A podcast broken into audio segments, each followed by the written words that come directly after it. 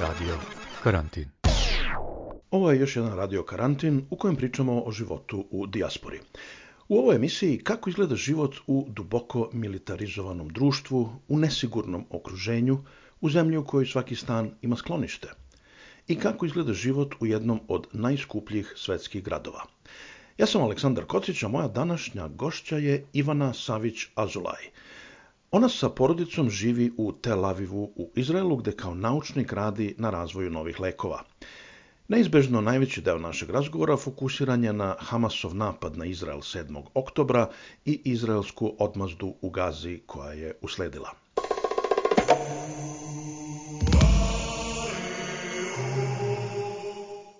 Kako vas je zatekao 7. oktobar? O, pa, žestoko. Baš nas je Bili zatekao, to je prava reč. Da, ja sa ovaj, mužem i decom sam 6. oktobra e, se vratila u Tel Aviv, bili smo na letovanju u Elatu, to je grad na jugu na ovaj, granici sa Egiptom, na Crvenom moru, prelepo mesto. I ovaj, vratili smo se 6. uveče i samo legli da spavamo, koferi već raspakovani, sve tako. I ujutru u 6 sati ovaj, čujem sirene. E sad šta je ovde specifično, mislim ja sam nije prvi put da sam čula sirenu, ovde mi to da kažem relativno često imamo, ali uvek postoji neki način uvek smo mi na neki način spremni. Uvek mi znamo da se nešto, eh, kažem tako, kuva u Gazi, da se nešto dešava na jugu, da je bilo nekoliko napada. Recimo, sad ovo samo nabram sve šta, svašta se od toga dešavalo. Da je bilo napada, recimo, eh, na kibuce i, i delove oko Gaze i onda mi znamo da možda u nekom periodu može da stigne i do Tel Aviva. Ovog puta apsolutno nije bilo ničega. Pritom je ovaj, taj 7. oktobar uh, ovog puta pao na jedan od njihovih uh, najvećih praznika. Sukot, zato smo mi bili na odmoru, nije rad, deset neradnih dana, ljudi su na odmorima sa porodicama i to je bila subota ujutru, to je u stvari njihov šabat, kada je 90% Izraelaca u kući i sa, i sa porodicama kako smo mi, ja sam čula sirenu i onako, misli, ja imam dečake, blizance, ja sam njih uzela u dve ruke, odmah budila čerku, mi smo odmah otišli u sklonište i sad gledamo se onako međusobno sa komšijama, bukvalno su svi ljudi bili u nevrovatnom šoku. Šta se dešava i u tom momentu mi uopšte ne znamo šta se dešava. Mi znači, čuli mi odete u sklonište, ali ne znate zašto ste otišli u sklonište. Da, mi čujemo sirene i to je ono što svi, mislim, to je, kad kod neko od stranaca dođe u Izrael, to je jedna od prvih stvari koje nauči. Znači kako da se ponaša u slučaju vazdušne opasnosti, šta raditi. Ovde postoji opcija da zgrada ima sklonište u podrumu, da svaki sprat ima sklonište ili da svaki stan ima sobu koja je sklonište. To je prosto takva gradnja da se jedna vertikala napravi e, od betona, od nekog blindiranog betona, onda se naprave i specijalna vrata i ventilacija i tako dalje, tako da je to ono sklonište. Ono što u filmovima gledamo nekada kao panic room. Bukvalno to. Um, sve, sva nova gradnja koja je rađena E, od 90-ih e, ka danas ima skloništa u stanovima. Moja zgrada je nešto baš početkom 90-ih građana, tako da mi imamo sklonište na spratu, znači četiri stana, jedno sklonište. Tako da ovaj, u, u Tel Avivu mi imamo 60 sekundi, znači od kad počne uzbuna, znači da u narednih 60 sekundi e, raketa će biti iznad nas to je zapravo to vreme. Ljudi u Berševi, moji prijatelji koji tamo žive i dok sam ja tamo živela, tamo je 10 sekundi. Znači, e, to je ono prosto vreme da, da se ode do te sobe. E, I onda najčešće ljudi stavljaju spavaću sobu da im bude sigurna soba ako se desi u toku noći, tako da su već tamo. Tako da mi smo samo otišli tako u pidžamama, u potkošuljama, samo smo izašli i svi su se gledali u čudu i sad naravno počinju ovaj, polako vesti na svim aplikacijama, počinjemo da saznajemo šta se dešava. Bilo je žestoko. Kad ste saznali šta se desilo, prvo da vas pitam, prijatelji, rodbina, jesu u redu? Svi, svi su u redu. Većinom su u centru Izraela, uglavnom svi žive u centru, većina njih u Tel Avivu, tako da svi su dobro. I vi ste mi posle rekli da ste otišli za Beograd. Da, e, ja sam tad, e, mislim, e, onda kad, kad smo prosto saznali do kojih granica je otišao taj 7. oktobar i šta se tu zapravo dešavalo. I ja to nikad neću zaboraviti u životu. Mi smo imali na televiziji, njihova nacionalna televizija je stavila ugao broj žrtava. I to ide kao na, ovaj, kao da, mislim, kao da se broji neko vreme, kao da se ne broji ljudske žrtve. To je bilo strašno. U sat vremena broj se poveća za 100, 200. Kako su tad oni ovaj, saznavali koliko se žrtava. To je bilo strašno. I sad e, ja iskreno u tom momentu, pošto smo stalno imali sirene, onda smo već je to krenulo da bude nepodnošljivo. Ja sam sa dve bebe. Bilo mi je baš naporno. Imam e, ovaj, čerku koja je šest godina ona se plaši. E, či, taj zvuk je prosto grozan.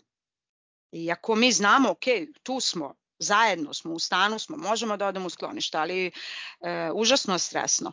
I onda ovaj, smo muž i ja razmišljali prosto da decu ne bismo oko toga ni čerku maltretirali i bebe da mogu da spavaju, da prosto imaju neke osnovne. Da smo odlučili da, da odemo za Beograd, a s druge strane i moji su bili u Srbiji jako uplašeni. E, tako da i malo mi i tog pritiska bilo onako e, i zbog toga sam se odlučila jer su me moji stalno zvali da dođem, nemoj da se igraš, dođi, budi. Tako da sam ja eto iz tih nekih razloga odlučila da odem i bili smo mesec dana u Beogradu tad od recimo nekog 12.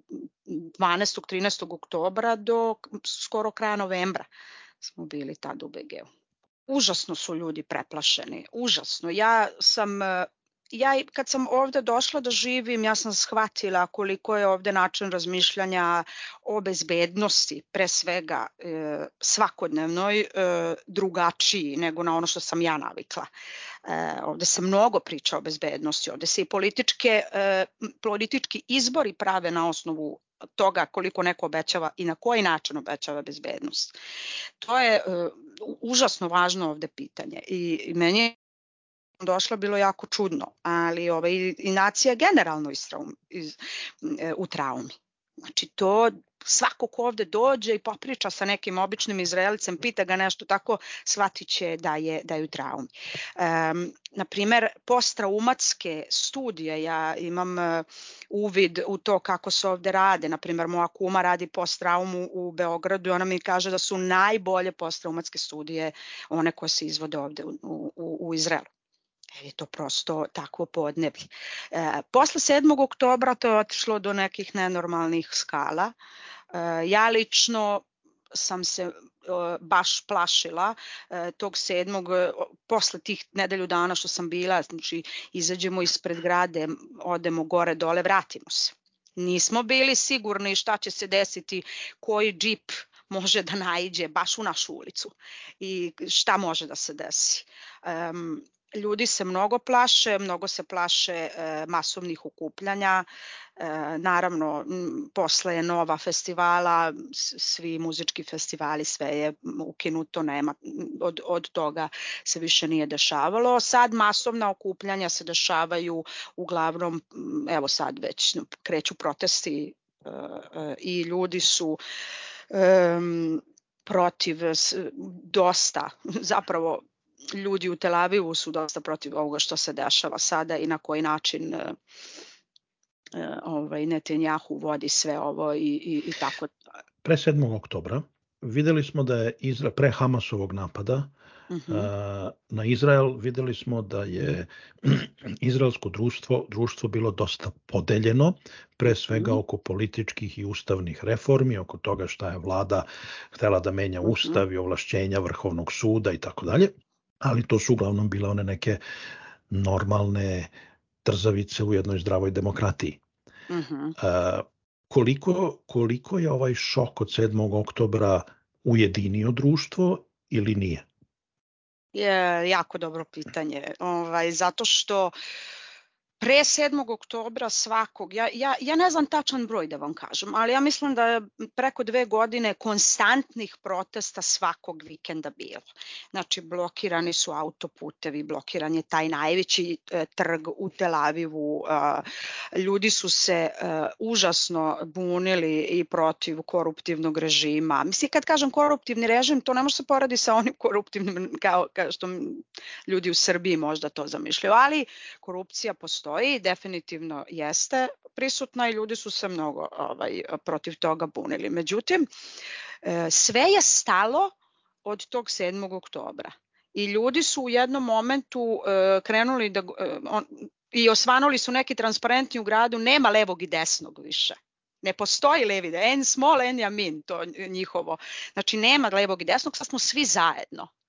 Ali to kad, kad se ovde čuje da smo svi zajedno, onda smo svi zajedno u misiji da naše a, ljude koji su trenutno taoci u gazi vratimo. I to je bio onaj prvi, to je bila prva iskra kod svakog prosto normalnog čoveka koji hoće ili neće da bude politički aktivan, ali da se ljudi koji su zarobljeni tamo uh, vrate. Međutim, kako je to sad sve uh, jako dugo traje, i kako je normalno i vojska i, i, i država e, čini to što čini, e, ljudi vide da se pomera fokus sa, te zajedni, sa tog zajedničkog cilja.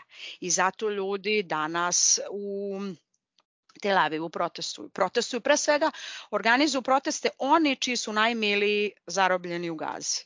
Jer oni vide da posle stoji nešto dana rata ti ljudi su da i dalje tamo Možda živi, možda nisu živi, to niko ne može da zna. I sve informacije koje ti jadni ljudi dož, ovaj, e, dobijaju su preko nekih Telegram, TikTok videa koji su u najmanju ruku grozni i koji Hamas pušta i onda tako ljudi to prate odjedno vide nekog svog. Tako da je to užasno. Tako da ljudi su ujedinjeni. Ne mogu ni da zamislim kroz što ti ljudi prolaze. Strašno. I znate šta, to je sada, sada svaki dan na televiziji slušamo priče kako se, na primjer, kako je neko sa Nova festivala uzet, kako je e, nastradao, šta njegovi najbliži sada rade, pa e, onda neko ko je, e, za čije, na primjer, postoje dokazi da je i dalje živ, da je talac u gazi, šta se sa njegovom porodicom dešava. Znači, konstantno, evo, već tri nešto meseca su te priče na televiziji, to je toliko traumatično da nema to, nema dalje. Ja to ne puštam zbog moje čerke, ne želim da ona to gleda, ali onda uveče pustim da bi bila u toku. E, e sad, veliki broj nas uh, posmatrača sa strane, da tako mm -hmm, kažem, mm -hmm. ljudi koji, koji su osjećali isto tako šok i veliko razumevanje i mhm. saučešće sa žrtvama Hamasovog napada u uh, Izraelu. Mm -hmm. Već mesecima gledamo razaranje u Gazi i pitamo se gde je kraj i dokle ovo može i da ja ne mogu da zamislim pakao kroz koji sada prolaze ljudi u Gazi. Pa moram da vas pitam i ovo, kakva, kakva je reakcija u Izraelu? Koliko je, koliko je i dalje velika podrška uh, ratu koji Netanjahova vlada vodi?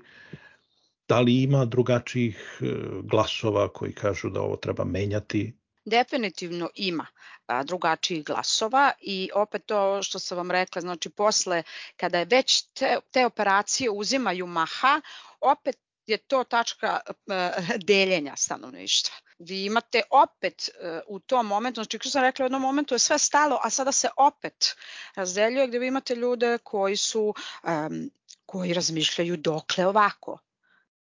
E, mi, vo, mi želimo naše e, taoce da vratimo, ali očigledno je posle nekog vremena pokazano da ovo možda nije način. S druge strane, ljudi se užasno plaše Hamasa ljudi se plaše da ako se oni potpuno ne, ne eliminišu, da će se 7. oktobar desiti opet. E, I lideri Hamasa to i govore. Mislim, postoje videi gde oni to govore da će se to desiti. Tako da su ljudi podeljeni između toga da, da, da želimo da se to opet desi, ali ne želimo ni da ovo nastavi da traje. I jako je komplikovano. Kakav je vaš osjećaj? E, evo, dok mi ovo snimamo, -hmm. U Hagu je nastavljen mm -hmm. proces koji je pokrenula Južna Afrika protiv Izraela mm -hmm. uh, za genocid u Gazi. Juče su opet u zapadnim prestonicama uh, bile masovne demonstracije u znak podrške uh, palestincima mm -hmm. u Gazi.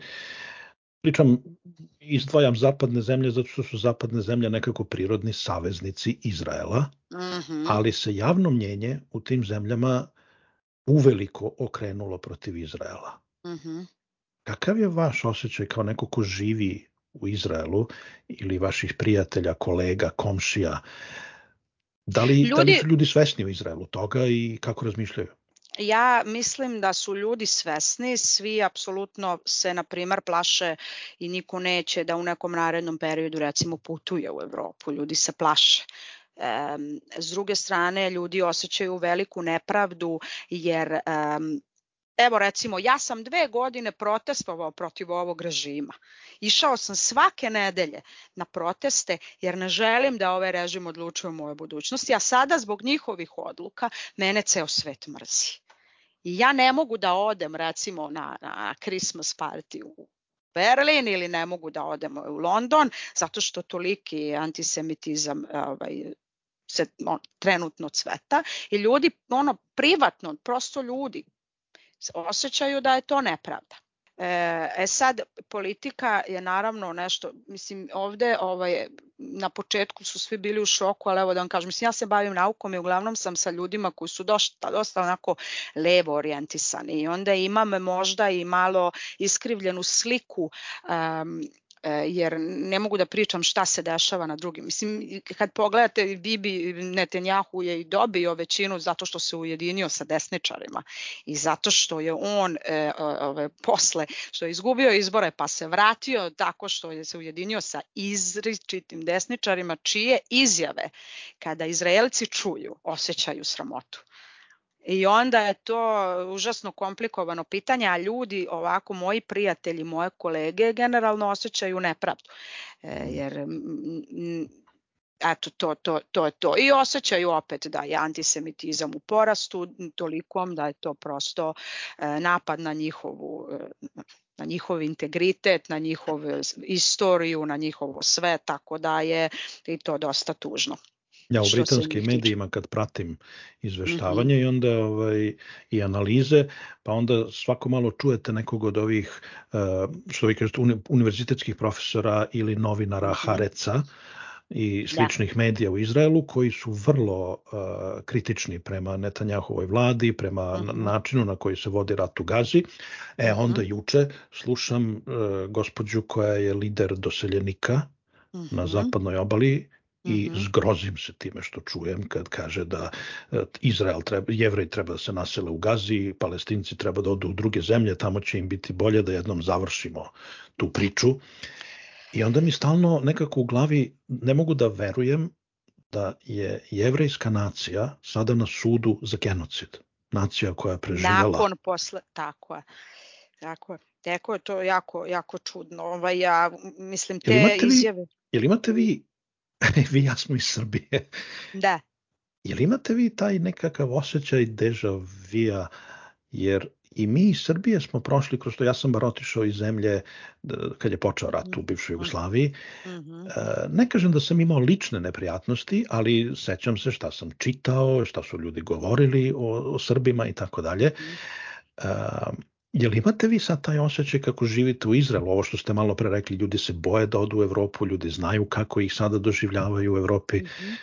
Ja ovaj, sam tad bila jako mala, ali sa sećam da sam recimo sa 14 godina bila u Londonu, baš u nekoj školi engleskog jezika i da sam ja ta došla, rekla da sam iz Srbije i da sam morala da objasnim e, kako sam ja jedno normalno mlado biće koje je samo došlo tu da uči jezik i gomile pitanja sam dobijala koje je tad bilo potpuno čudno. Ja nisam ošto razumela, sam bila tad mala, sam ošto razumela na koji način su tada nas svi posmatrali. Ja sam čak imala imala pitanja ono kako si uopšte mogla da dođeš, ko je tebi ovo omogućio ili tako neka suluda pitanja.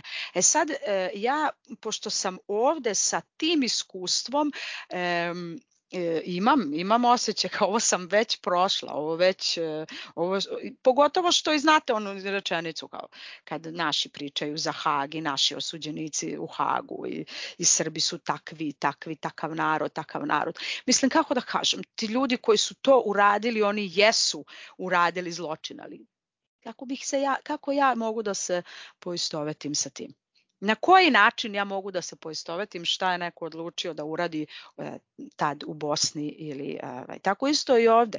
Izraelci mogu da kažu da su njihovi najmili... I jedna vrlo bitna stvar, ne postoji Izraelac koji ne zna nekoga ko nije nastradao tog 7. oktobra. To je jako specifično. Drugo, ne postoji Izraelac kome neko jako važan nije u IDF-u. Brat e, u vojsci. U vojsci. Znači muž, e, brat, e, otac, sin, bukvalno ne postoji. Ja u muževljevoj porodici imam trenutno trojicu njegovih braća od tetako koji su u vojsci. Tako da su ljudi vrlo, vrlo privatno u ovo ovaj, uključeni, a s druge strane nemaju nikakav način da bilo šta spreče ili da utiču, osim da izađu na ulicu i protestuju. Vi ste već e, malo pre to spomenuli, e, više puta sam čuo e, u izveštajima i u analizama, u pričama o Izraelu, kako Izrael za nas koji tamo ne živimo ili nismo nikad bili, mhm. malo težak da se shvati jer je to duboko militarizovano društvo. Ne mhm. militantno, nego militarizovano zbog mhm. toga što ima, što živi u, u okruženju u kakvom živi i, i, i da, da ljudi samim tim ima jedan specifičan mentalitet Odnos, i način tako. gledanja na, mm -hmm. na, na stvari. Ali van toga, kakav je Izrael za život? Pa, Znam da Tel Aviv važi za jedan od najskupljih gradova sad. Najskuplji, užasno je skup, užasno je skup. I to, to nas sve jako boli. Ali ovaj... Um, Žrtva sobstvenog uspeha. pa, ovde je Ja ne znam osobu koja je ovde došla, koja nije bila e, oduševljena i e, nije bila prosto iznenađena koliko je ovo jedna interesantna zemlja. E, unutar izraelskog društva e, postoji milion podela koje je meni, evo, posle deset godina, ja volim te stvari i volim da znam te stvari i dalje neke stvari nisu jasne. Znači, postoji podele, ajde ja ću reći sad ono, neke najkrupnije podele. Postoji podele na versko i neversko društvo. Ajde, možda ovo nije politički ispravan termin, ali pokušat ću da objasnim. Znači, postoje ljudi koji isključivo žive veru, znači oni uče Bibliju, ne idu u klasične škole, ne, ne uče e, matematiku, jezik, fiziku, hemiju, ostalo, znači oni uče samo Bibliju, odnosno tih, te njihove svete knjige. To su ljudi koji ne rade, a koje država plaća. Odnosno, to su ljudi koji, koje mi plaćamo. Znači ljudi koji su neversko stanovništvo, kao što sam ja, kao što su moje kolege, moja porodica, moj muž, to su ljudi koji rade, koji su išli u školu, koji su studirali i plaćaju ogromne takse ovoj državi. Jednim delom te takse idu za, za drugi deo stanovništva. Tako da je u samom startu, ovo što sam vam sad ispričala, užasna podela. Kad sam ovde došla i pitala mog muža za neke stvari, on je odrastao u Tel Avivu, ovde, ovde studirao, svi prijatelji su mu iz Tel Aviva. Ja kad sam njega pitala neka pitanja vezano za verske, obično ne zna. Što je meni bilo čudno, kao, pa ti si odavde. On kao, pa da, ali ja ne pripadam tom svetu. Sad, opet, opet druge podele, znači jevre, ovo je jevrejska država, jevreje iz celog sveta su dolazili. Sad vi tu imate i Ruse, i Etiopljane, i Amerikance, i e, e, Indice, i Latino, znači ljudi iz celog sveta ću užasan skup malih subkultura na jednom jako malom mestu. I to je isto ova, jako teško da se pohvata. Sad, eto, moj muž je, na primjer, njegovi baka i deka su a, a, 40. godina došli iz Maroka ovde sa obe, sa majčine i očeve strane. Njegovi roditelji su ovde, ovde se rodili, on je ovde odrastao, ali eto, on je recimo treća generacija koja je odavde. Tako da vi uvek imate kad nekoga upoznajete ovde u Izraelu, kažem se ime, prezime, kako si, odakle si i treće, četvrto pitanje biti koja je tvoje poreklo. Šta vam je najlepše, šta je, šta je najlepši aspekt života u Izraelu? najlepši aspekt je meni ta neka sloboda koju ja ovde osjećam. E, ljudi su baš zbog toga što ima puno razlika, da ima jako malo um, osude zbog tih razlika. Ja se ovde, ja se ovde nikad ne pitaju, ok, odakle si? Ja kažem iz Srbije, dobro. On je iz neke druge zemlje, on je neke druge zemlje, znači svi smo od neku došli, sad E, jako je malo um, jako je malo osude, ljudi su veoma složni, ljudi su jako prijateljski nas. Ovde se osjećaju neke, neka nenormalna uh, neka sloboda. Uh, ja uh, Tel Aviv je takav grad, ovde su nekako, kogod je došao, ima utisak da je dobro došao.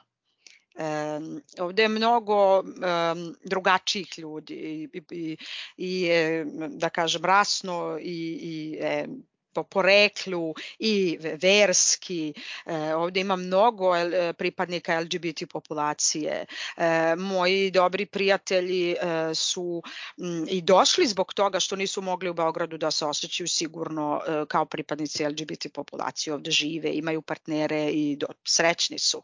Tako da neka, neka, ve, neka užasna, to je paradoks jer ne može možda da se shvati ok, kako sloboda ako na svakih par meseci imamo, ovaj, ali ali, to je stvarno neko ne, neki osjećaj i koji, na koji ne mislim samo ja, već znam da ovaj, ljudi koji ovde dolaze to osete.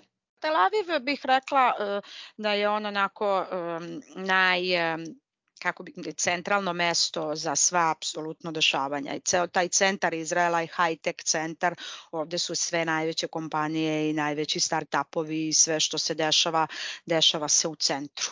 Ostatak Izraela je mm, mm, drugačiji jer je isto prosto se ne, mislim da ne bih da zvučim onako kako ne treba, ali prosto ljudi gravitiraju najviše ka centru jer je ovde i, i najbolji i najraznovrsniji život. Ne znam da li bih mogla da uporadim sa Beogradom, ali, ali recimo da, da, eto, da je to neki centar dešavanja. Jer ja sam živeo u Londonu dugo, pa sad mhm. živim u Glasgowu, živeo sam u Edimburgu i to su gradovi koji su deset puta manje od Londona, ali nema tu utisak provincije i dalje su onako dosta -hmm. internacionalni, kosmopolitski. A kad sam mhm. živeo, živeo sam 10 godina i u Španiji, u mhm. Španiji se vidi razlika. Ako niste u Madridu ili u Barceloni, sve ostalo je provincija. Uh mhm. -huh. I lepo je, ali ima taj provincijski mentalitet. E, da, ovde je Izrael jako mala zemlja i sad, na primjer, ovde je i najmanje selo koje je udaljeno, ne znam koliko, će imati, e, e, možete da nađete moderno stanovništvo koje živi tamo. Ili u tim njihovim kibucima, recimo, to su onako zatvorene komune, e, to je sad posebna priča, ali ovaj, tamo možete da nađete ljude koji su potpuno modernih shvatanja, koji samo prosto biraju da žive na, na, na takvom mestu u blizu u prirodi ili tako nešto. Svuda ovaj svuda postoji veoma e, dobra infrastruktura, dakle nema na primer ko u mom selu, ko u selu od moje babe i dede, mislim tamo nema ni interneta u Srbiji ili tako to na što ovde ne postoji. Dakle ovde je apsolutno svuda je dostupna e, i jako blizu zdravstvena zaštita, internet, veze i tako dalje. Ali Tel Aviv je infrastruktura mhm. neuporedivo bolja, da autoputevi isto specifična stvar, ovde se autoputevi ne plaćaju. Znači nema naplatnih rampe, ne, da? Nisam znao. Nikod nas to je strava. Tako da ovaj e, s te strane Izrael je mali, dosta koncentrisan i dosta dobro infrastruktura je odlična i konstantno se gradi i poboljšava. Ali Tel Aviv je onaj e, e, tip grada koji ima centar, koji ima e, noćni život veoma razvijen, mlade ljude koji tu žive, um, koji ima jako dobar univerzitet i Tako da, ko je navikao na život u velikom gradu, onda je u, u Izraelu za to opcija Tel Aviv. Jerusalim vam... je veliki grad, ali je potpuno drugačija mm. energija i vibe, tamo je mnogo verskog stanovništva, postoje četvrti podeljene, muslimanska, jevrejska, hrišćanska četvrt, drugačije je to. Meni, na primer, po mom senzibilitetu Jerusalim nikako ne odgovara. A šta, šta vam smeta u Izraelu? Šta bi moglo da bude bolje? mnogo se plašim vojske i ne volim, mislim ja ošte nisam, mislim ni oružja, se jako plašim oružja, I eto, na primer, moj muž je bio vojnik, e, normalno i, i priča mi te neke priče koje su meni zastrašujuće iz, dok je služio. On sva sreća više nije u rezervama, ali njegov, mnogi njegovi prijatelji jesu. E, meni je to užasna stvar, tako da ne znam, to, to me baš plaši. Sada imam troje dece i, i to mi je veliki strah. E, drugo, cene ovde je sve mnogo skupo, ovako da se vratimo na, na everyday life, mnogo je sve skupo i bez obzira koliko god zarade bile dobre, opet to nisu onolike zarade e, da bismo mi sad da mi možemo kažemo mi ne osjećamo te cene, osjećamo i te kako. Sad Tako kad da, ovo čuju ovi režimski tabloidi u Beogradu, oduševit ću se.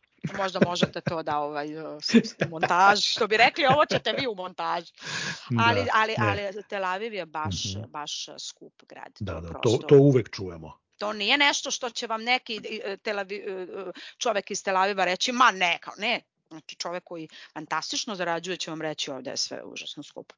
Znači ne postoji osoba koja to ne oseti. Ovaj rat bar ovakav kakav je, mora kad tad, nadajmo se što pre, da, da se završi. Uh mhm. -huh. Traume ostaju i na jednoj i na drugoj strani, ali da li ste na kraju ipak optimi... Da, da li ovo što se desilo može da bude prekretnica i da dovede eventualno do trajnog rešenja palestinsko-izraelskog sukoba ili će samo dalje produbljivati mržnju? Iskreno da vam kažem, ja uvek moram da se ogradim, ja nisam e, političar, e, i, e, ali ja mislim da, da ovo neće dovesti do, do konačnog rešenja. E, možda, sam, možda nisam u pravu, volela bi da nisam, ali ja sumnjam. E, zato što Izrael ima...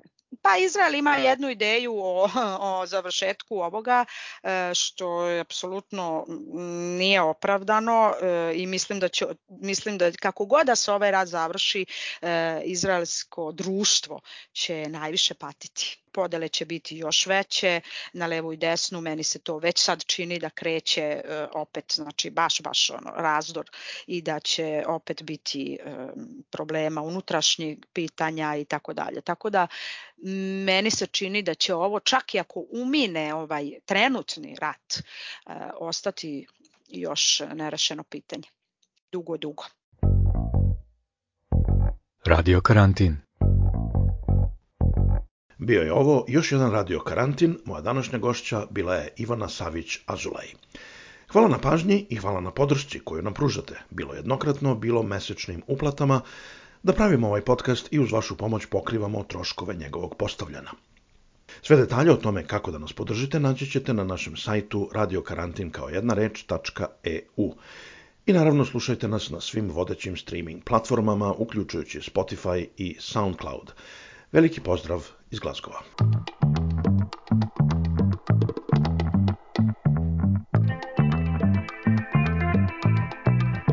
Radio Karantin